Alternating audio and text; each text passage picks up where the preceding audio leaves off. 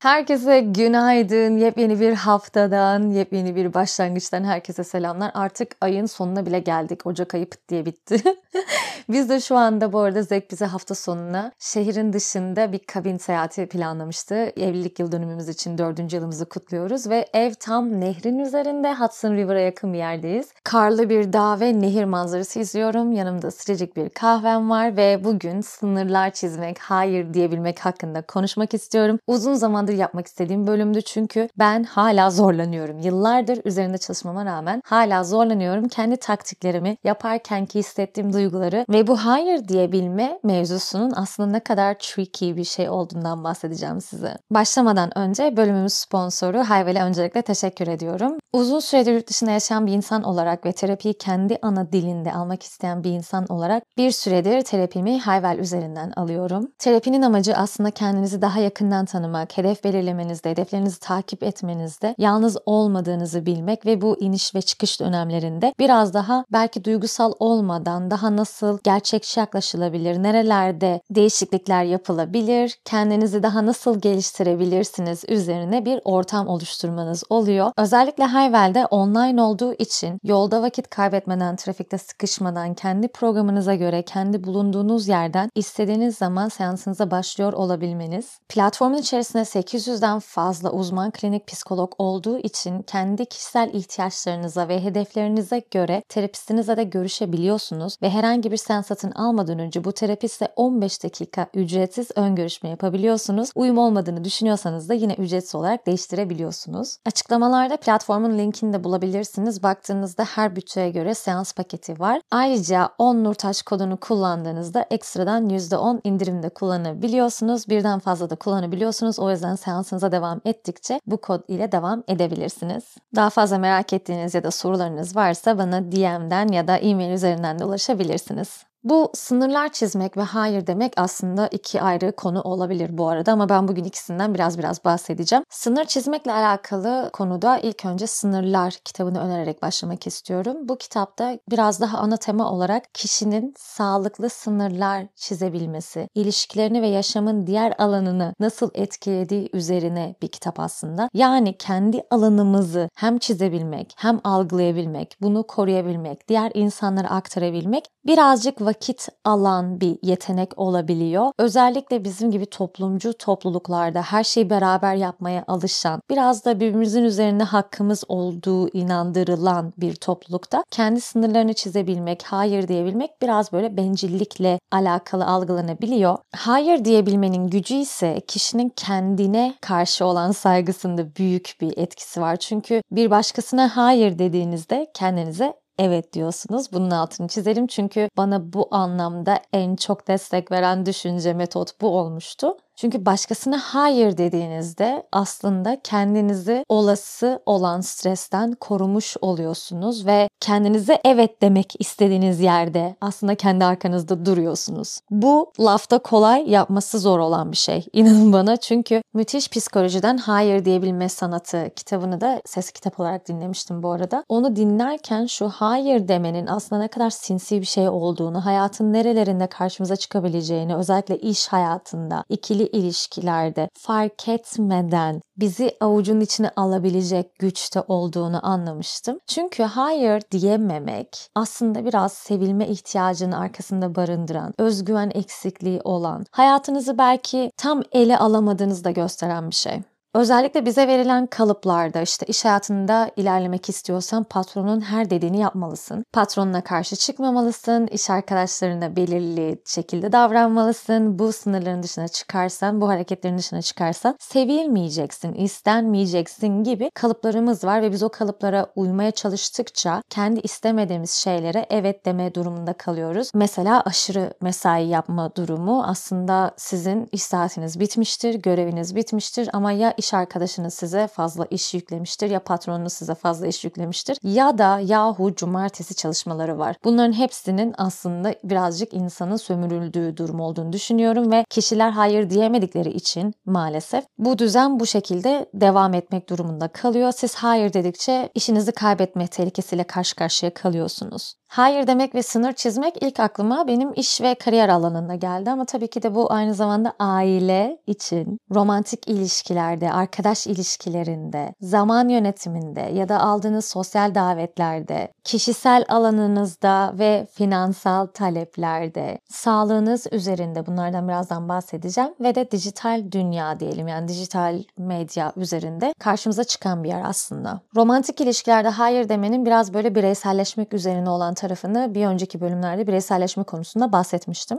Romantik ilişkilerde genelde karşılaşılan şey arkasında terk edilme korkusu ya da sevilmeme korkusundan kaynaklı olabiliyor. O yüzden belki kendiniz de orada inceleyebilirsiniz. Bende bir terk edilme korkusu var. Neden olduğunu hala tam çözemedim. Fakat arkadaşlık ilişkilerinde ben birisine hayır demekte zorlanıyorum zorlanmadığımı düşünüyordum. Benim için hayır demenin çok kolay olduğunu düşünüyordum. Başka insanların benimle alakalı ne düşündüğünü o kadar da önemsemediğimi düşünüyordum. Fakat kendi programıma baktığımda özellikle Google Calendar üzerinden bayağı bir takvimlendirme hazırlıyorum ve bütün günümü saatlerine göre yazıyorum. Bu takvime baktığımda birçok planın insanlarla sosyal aktivite üzerine olduğunu görüyorum. Bunun amacı birazcık yeni şehirde olduğum için daha fazla insan tanıyabilmek, şehri biraz daha hızlı anlayabilmek, çözebilmek, şehrin parçası olabilmek üzerineydi. Ama baktığım zaman işte bir insan beni bir yemeğe davet ettiğinde, kahve içmeye çağırdığında hemen evet demem gerekiyor gibi düşünüyordum. Çünkü onlara hayır dersem hani bu sefer kurmak istediğim ortamı kuramayacağım kaygısı var arka planda. Geçenlerde benim için kendimle gurur duyduğum bir örnekten bahsederek bu konuyu ilerlemek istiyorum. Şimdi benim Çin'de tanıştığım en yakın arkadaşlarımdan bir tanesi. Slovenya'da yaşıyor şu anda.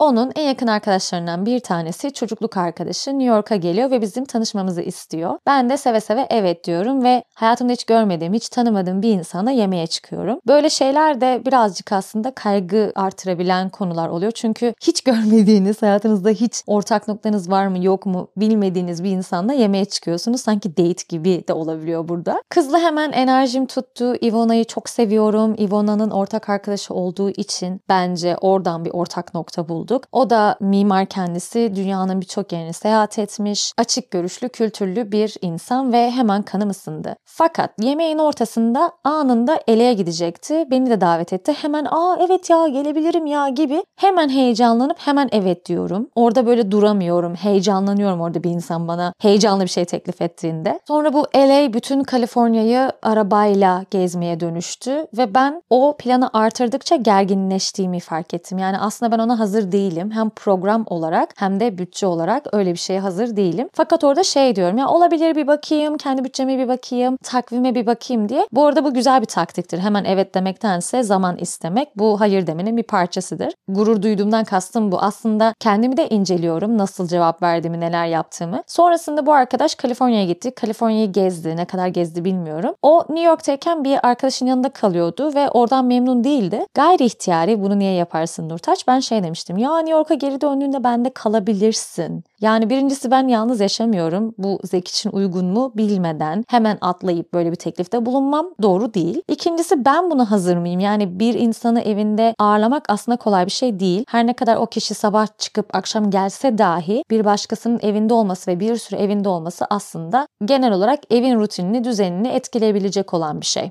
Yine mantıken bunları anlıyorum ama olay anında heyecanlanıp fake değil gerçekten yapabileceğimi zannediyorum. Gerçekten herkes benim evime gelsin. Ben onlara yemekler yapam. Hemen böyle Anadolu annesine bağlıyorum orada. Gerçekten sofrayı kurup yufka açacağım ya ben. Yani içimden bir şey çıkıyor. Hem Türk kültürünü tanıtam, insanlar gelsin cıvıl cıvıl ortam olsun, komünitelerimizi kuralım falan. Oradan içimden çıkan şeyi bir türlü durduramıyorum, kontrol edemiyorum. Sonra ben bu kızın gerçekten bu teklifi ciddiye alıp bize gelmek isteyeceğini düşünmemiştim. Bana mesaj attı. İşte ben New York'a geri döneceğim. Bir hafta seninle kalabilir miyim? İlk olduğunda böyle gerçekten ya şaka yapmıyorum. Heyecanlandım. Aa bize gelecek tam da Zek'in olmadığı hafta işte Zek yok eleğe gidecek. Ne güzel diyorum yalnız olmam. Kız da böyle kafa bir kız. Beraber takılırız. Sonra takvime baktım ve aslında işimle alakalı önümde çok şey olduğunu fark ettim. Yani benim işim hem sosyal medya ajansı tarafında hem influencer olarak bir yerde tamam çalışma saatlerim yok ama non-stop bir iş. Her hafta yani bir önceki ayı planlamam gereken bir iş ve Ocak sonu olduğu için buna müsait değilim. Ve evimde birisini ağırlayacaksam benim kafa yapımdaki bir insan onu ağırlamak isteyecek. Yani hani gel istediğin gibi gir çık değil. Ben ona yatırım yapmak isteyeceğim zaman olarak, enerji olarak. O yüzden düşündüm düşündüm kıza mesaj attım.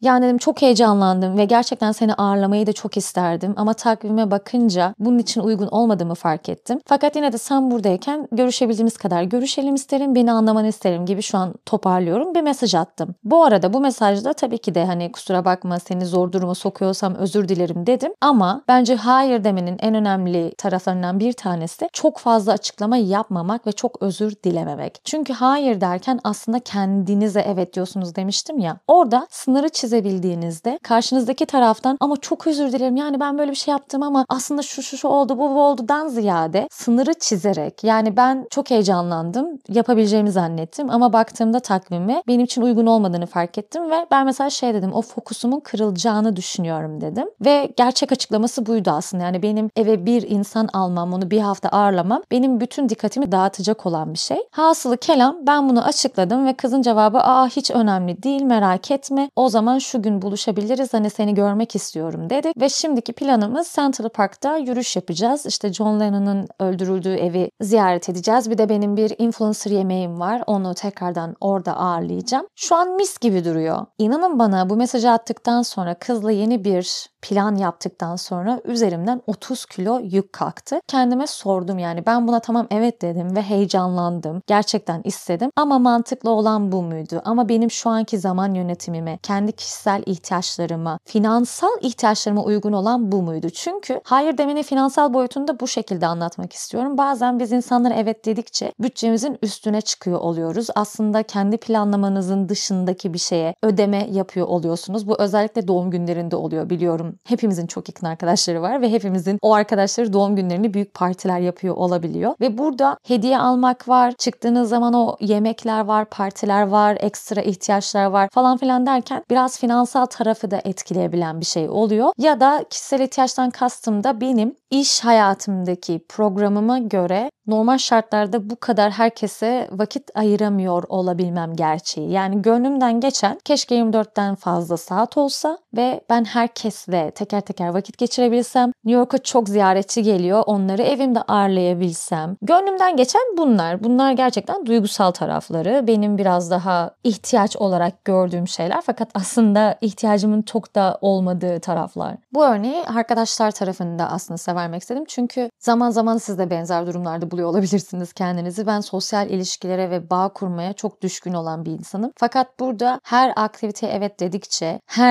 herkese ayrı vakit ayırmaya çalıştıkça biraz kendime zarar verdiğimi fark ediyorum. O yüzden takvim kullanmak, her programınızı teker teker yazmak ve gerçekten isteyip istemediğinizi fark etmek çok değerli. Ayrıca verdiğiniz sözü iptal edebilmek de burada önemli bir rol oynuyor. Çünkü üzerinizde o baskı hissedebilirsiniz şimdi söz verdik, başkası planlar yaptı. Şimdi bir şey iptal edebilmek evet yani insan üzerinde büyük bindiriyor. Çünkü karşınızdaki insanın onu okuma tarzına göre de değişebilir. Karşınızdaki insan tamam ya bu kız iptal etti ben bir daha bunun arkadaş olmayacağım diyebilir. Bu da başıma geldi çünkü. Geçenlerde yine bir aktiviteye katılacaktım. Birazcık son dakika iptali oldu. Orada belki haklı. Fakat şöyle toparladım olayı ben. Onu iptal ettim. Gideceğim o etkinliği iptal ettim ve ortamdaki insanları etkileyeceğini düşünmedim. Çünkü kalabalık bir etkinlikti. Sonrasında bu etkinliği düzenleyen kadını ayrıca bir yemeğe çıkardım ben. O da yemekteyken bana şey dedi. Sen o gün iptal ettiğinde senden talep bekledim, teklif bekledim. Teklif yapmasaydın arkadaşlarımızı etkileyecekti. Burada şimdi iletişim girdi araya. İyi ki de bana bunu açıkladı ve iyi ki de aslında ben de inisiyatif kullanıp onu tekrardan yemeğe davet etmişim. Çünkü bu tarz sorumluluğu almak da ilişkileri kurtarabiliyor. Bazen son dakika plan değişikliği olabilir. Bunu nasıl anlattığınız, nasıl aktardığınız, sonrasında ne yaptığınız o kişilerle olan ilişkinizi oldukça etkiliyor. Bir diğer tarafta ailemiz konusu yani aileden ayrışmakla alakalı tamamen bir bölüm hazırladım. Aileden ayrışabilmek, kendinizi tamamen başka bir yerde sadece siz olarak var edebilmek çok zor. Yani o toplumun size yüklediği normlar, kendi kültürünüzden gelen alışkanlıklar, sizin kendinize ithaf ettiğiniz bazı kimlikler, onlardan sıyrılmak, yeni bir kimlik oluşturmak, onu özümsemek, onu geliştirmek, onunla belki de bir olmak zaman alıyor biraz daha emek istiyor. Çünkü unlearning diyoruz buna. Yani önceden bildiklerini unutmak, yerini değiştirmek, onun yerine yenilerini eklemek gerçekten emek gerektiren şeyler. Hiç kolay değil. Çünkü alışkanlıklarınızdan kurtulmanız yeni alışkanlık eklemekten daha zor olabiliyor. Aile konusunda bence en hassas noktalardan bir tanesi. Çünkü yine bizim toplumumuzda anne, baba çocuğu biraz kendi uzantısı gibi görebilme dürtüsüne sahip. Yani kendi yapamadıklarını çocuğunu yapmasını isteyebiliyor. Ya da geleceğinden korktuğu için kendince garanti olduğunu düşündüğü şeyleri mesela işte devlette çalışmak diyebiliriz. Çocuğuna belki istemeden, belki isteyerek dayatabiliyor ve siz o dayatmanın altında ne istediğinizi bulmanız zaman alabiliyor ya da istediğinizi anlamadan onların isteklerine karşı ilerleyip belirli bir yaştan sonra ailenize karşı resentful olup yani onlara biraz daha içerleyip daha isyankar tepkilerle ilişkilerinize zarar da verebiliyor oluyorsunuz. Çünkü kişi kendi alanına çekilmedikçe, kendine istediğini bulmaya zaman ayırmadıkça, biraz daha böyle annesinin babasının isteklerine göre belki de toplumda beğenilen meslekleri yapmak üzere bir karar verdiyse sonrasında kalbinin orada olmadığını anladığında önce bir uyanış yaşıyor. Sonra işte buna onu hazırlayan ortama kızgınlık başlıyor. Bu ailesi olabilir, çok değer verdiği öğretmeni olabilir, çevresindeki arkadaşları olabilir. Bazen arkadaşlarımız da bize istemediğimiz şeyleri yaptırtabiliyor. Hani hem sevilmek istediğimiz için hem de bazen fark etmiyoruz gerçekten. Yani istediğimizi zannedebiliyoruz. O yüzden oralardan ayrışmak, oralara da sınır çizebilmek, o kişilere de hayır diyebilmek ve bunun en doğru dilini kullanarak hasar gören ilişkileri tekrardan toparlamak adına ekstradan özen göstererek yeni bir şekilde hazırlayabiliyoruz ve o oluştuktan sonra bir kere öncelikle kendinize olan saygınız artıyor. O saygıyla beraber de daha fazla özgüven gelişiyor ve oradan sonra bir kere daha emin adımlarla hayatta ilerliyorsunuz ve hayatınızın kontrolü daha çok sizde olduğu için çevrenize de yansıyan pozitif bir enerji oluyor. Tüm bunlar oluştuğunda diğer insanların da size daha çok güvendiği, sizin fikrinizi merak ettiği, sizin önerilerinizi dikkate aldığı bir insanda oluyorsunuz. Çünkü sabitsiniz, netsiniz, ne istediğinizi biliyorsunuz, kendi sınırlarınızı çizebiliyorsunuz, karşınızdaki insana o alanı verebiliyorsunuz. Karşınızdaki insan hayır deyince üstünüze alınmıyorsunuz, duygusal tepkiler vermiyorsunuz ve daha sağlıklı ilişkiler kurmak için ona ayrıca zaman harcıyorsunuz. Böyle olduğunda hem ikili ilişkilerinizde hem toplum tarafından daha güvenilir insan da oluyorsunuz. Çünkü netsiniz. Her şeye evet demeyen, her şeyi beğenmeyen ve bu beğenmediğini aslında daha saygılı sınırlarla gösterebilen, farklılıkları ortaya daha ılımlı bir şekilde getirebilen, belki ortamın havasını değiştirebilen bir insan da oluyorsunuz. Yine söylüyorum tüm bunlar zaman alan şeyler. Aileden ayrışmanız, kendinizi bulmanız ve bu değişim de devam ediyor bu arada. Yani ben bir tane bir şey buldum aslında ben böyleymişim deyip o da bitmiyor. 5 yıl sonra tamamen kendinizde hiç beklemediğiniz bir tarafınızla karşılaşabiliyorsunuz. Önceden asla yapmam dediğiniz şey şu an keyif aldığınız bir etkinlik olabiliyor. Ya da hiç bilmediğiniz bir tarafınızla Allah Allah hani böyle değildik nereden çıktı bu diyebiliyorsunuz ki bu bence hayatla alakalı en güzel sürprizlerden bir tanesi. Kendinizle alakalı beklemediğiniz şeyle karşılaşmanız çok keyif verici geliyor bana. O yüzden burada korkulacak bir şey yok. Sadece demek istediğim bu sınırları anlayabilmek, hayır diyebilmek, sizin hem kendi kişisel mahremiyetinizi korumanız, hem sağlığınızı korumanız, belki bütçenizi korumanız, iş hayatınızda, sosyal çevrenizde daha güvenilir, daha sevilen de bir insan olmanızı sağlıyor. İstemediğiniz istemediğimiz şeylere sürekli evet dediğimizde stresimizin yoğunluğu da artıyor ve stresin kesinlikle sağlığı ilk etkileyen şey olduğunu biliyoruz. Ben maalesef stresten tamamen kurtulamıyorum. Meditasyon, yoga neyse artık o her şeyi yapabilirsiniz. Bazen teslimiyet de burada güzel olabiliyor. Eğer ki inancınız varsa bazı şeyleri akışına bırakmak, inanmak, sizden daha yüce bir güçten destek almak, yardım beklemek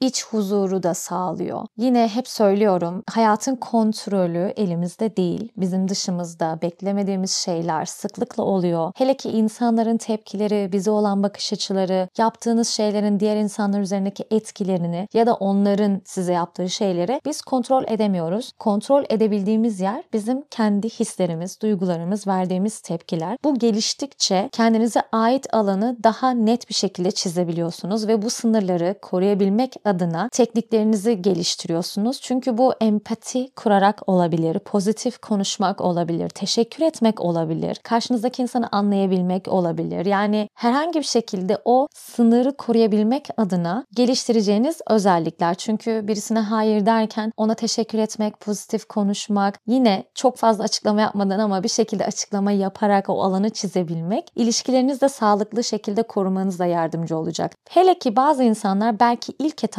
anlamayacaklar ama siz o yerinizde sabit durdukça belki o pozitif yaklaşımla yaklaştığınız için karşınızdaki insan sonunda bunu anlayacak. Belki hemen değil, belki bir hafta sonra, belki bir ay sonra, belki üç yıl sonra ama aslına bakarsanız karşınızdaki insana da başka bir şey öğretiyor oluyorsunuz bu sayede. Kendi arkanızda durduğunuz için ve kendi sınırlarınızı koruyabildiğiniz için. Çünkü tam tersi haliyle siz evet dedikçe, içinizde olanları karşınızdakine aktarmadıkça hem karşınızdakine karşı içten içe bir kızgınlık duyuyorsunuz ve o da frustration oluyor. Fark edersiniz eğer bir insana içinizde biriktirdiğiniz biriktirdiğiniz üçüncüsüne bir patlama anında geliyor ya da bir şey şey söylediğinde tahammül edemiyor oluyorsunuz. Çünkü hiç iletişim kurmamışsınız. Karşınızdaki insanın ne olduğundan da haberi yok. Belki bazen bazı insanlar bundan suistimal de edebiliyor oluyor maalesef. Ama bunun biraz da sorumlusu sizsiniz. Siz evet dedikçe, o stres ortamında kaldıkça duygusal yorgunluk başlıyor. Belki karşınızdaki insana öfkeniz artıyor, kırgınlığınız artıyor ve ilişkiler kopma seviyesine geliyor. O yüzden burada yine iletişimin önemini de ayrıca tekrardan hatırlatalım. Özetle şimdi toparlamak gerekirse sınırları koruyabilmek yapabilmeniz için ilk öncelik olan şey açık iletişim. Sonrasında hayır diyebilmeyi öğrenmek. Yani hayır diyebilmek kendisi baş başına ayrı bir yerde duruyor. Ve sonra önceliklerinizi belirlemek. Önceliklerinizi belirlemek de oturup yazıp çizebildiğiniz, kendinize soru sorarak, istediğiniz şeyleri, istemediğiniz şeyleri anlamaya zaman ayırarak yapacağınız bir şey. Yine buna benzer kendi duygularınızı ve ihtiyaçlarınızı tanımanız gerekiyor. Yani bir de tüm bu duygu ve ihtiyaçlarını tek bir kişiden beklememek üzerine kendi ihtiyaçlarınızı anladığınızda bunları nasıl karşılayabileceğinizi de aslında hem öğrenip hem geliştirebiliyorsunuz. Sonra kendi sınırlarınızı çok net ve belirgin bir şekilde gösterebilmeniz. Burada sert bir mizaçtan bahsetmiyorum ama net olmak. İhtiyaçlarınızı anladıktan sonra biraz daha kendi sınırınızı da daha net çizebiliyorsunuz. O yüzden önce ihtiyaç dedim sonra net çizebilmek. Bundan sonra dengeyi kurabilmek diyeceğim. Hem iş hayatınızda hem özel hayatınızda. O dengeyi koruyabildiğiniz zaman sınırlar da kendi kendine çizilebiliyor. Bir sonraki kendi ihtiyaçlarınıza saygı göstermek. Tamam ihtiyaçlarımızı anladık, tanıdık, belirttik ama bunlara saygı da göstermek gerekiyor. Bazen aldığımız cevaba göre vazgeçme eğiliminde de bulunabiliyoruz ya da korkuyoruz bazen. Onay olmadığında istemediğimizi zannedebiliyoruz. Bu nedenle burada o ihtiyaçlara saygı göstermeyi ilk önce kendiniz yapmanız gerekiyor. Bir diğeri kesinlikle reddetme korkusunu aşma. Çünkü ben de hayır derken hala karşımdaki insanı incitmekten, ilişkilerimin bozulmasından, o ilişkinin bir daha devam etmeyeceğinden korkuyorum. Ya da bir markaya hayır dedim de kendi isteğimi dile getirdim de o marka bundan çok hoşlanmıyor olabiliyor. İş hayatında bu şekilde karşıma çıkıyor. Ama bunları da aşıyorum zaman zaman. Çünkü kendi isteğimin arkasında durduğumda, kendi ihtiyacımın arkasında durduğumda ve bu sınır rahat çizebildiğimde bir marka okey demiyorsa başka bir marka okey diyor ve o yüzden kendime olan saygım da artıyor. Yani biraz otomatik gidiyor burada. Ne alıştır arttırarak kendinizi bu alanda güçlenmeye devam. Ne demiştim? Ben hala zorlanıyorum ama şöyle bir ölçeklendirme yapmayı ben çok seviyorum. A'dan Z'ye bir scale düşünün. A başlangıç noktanız Z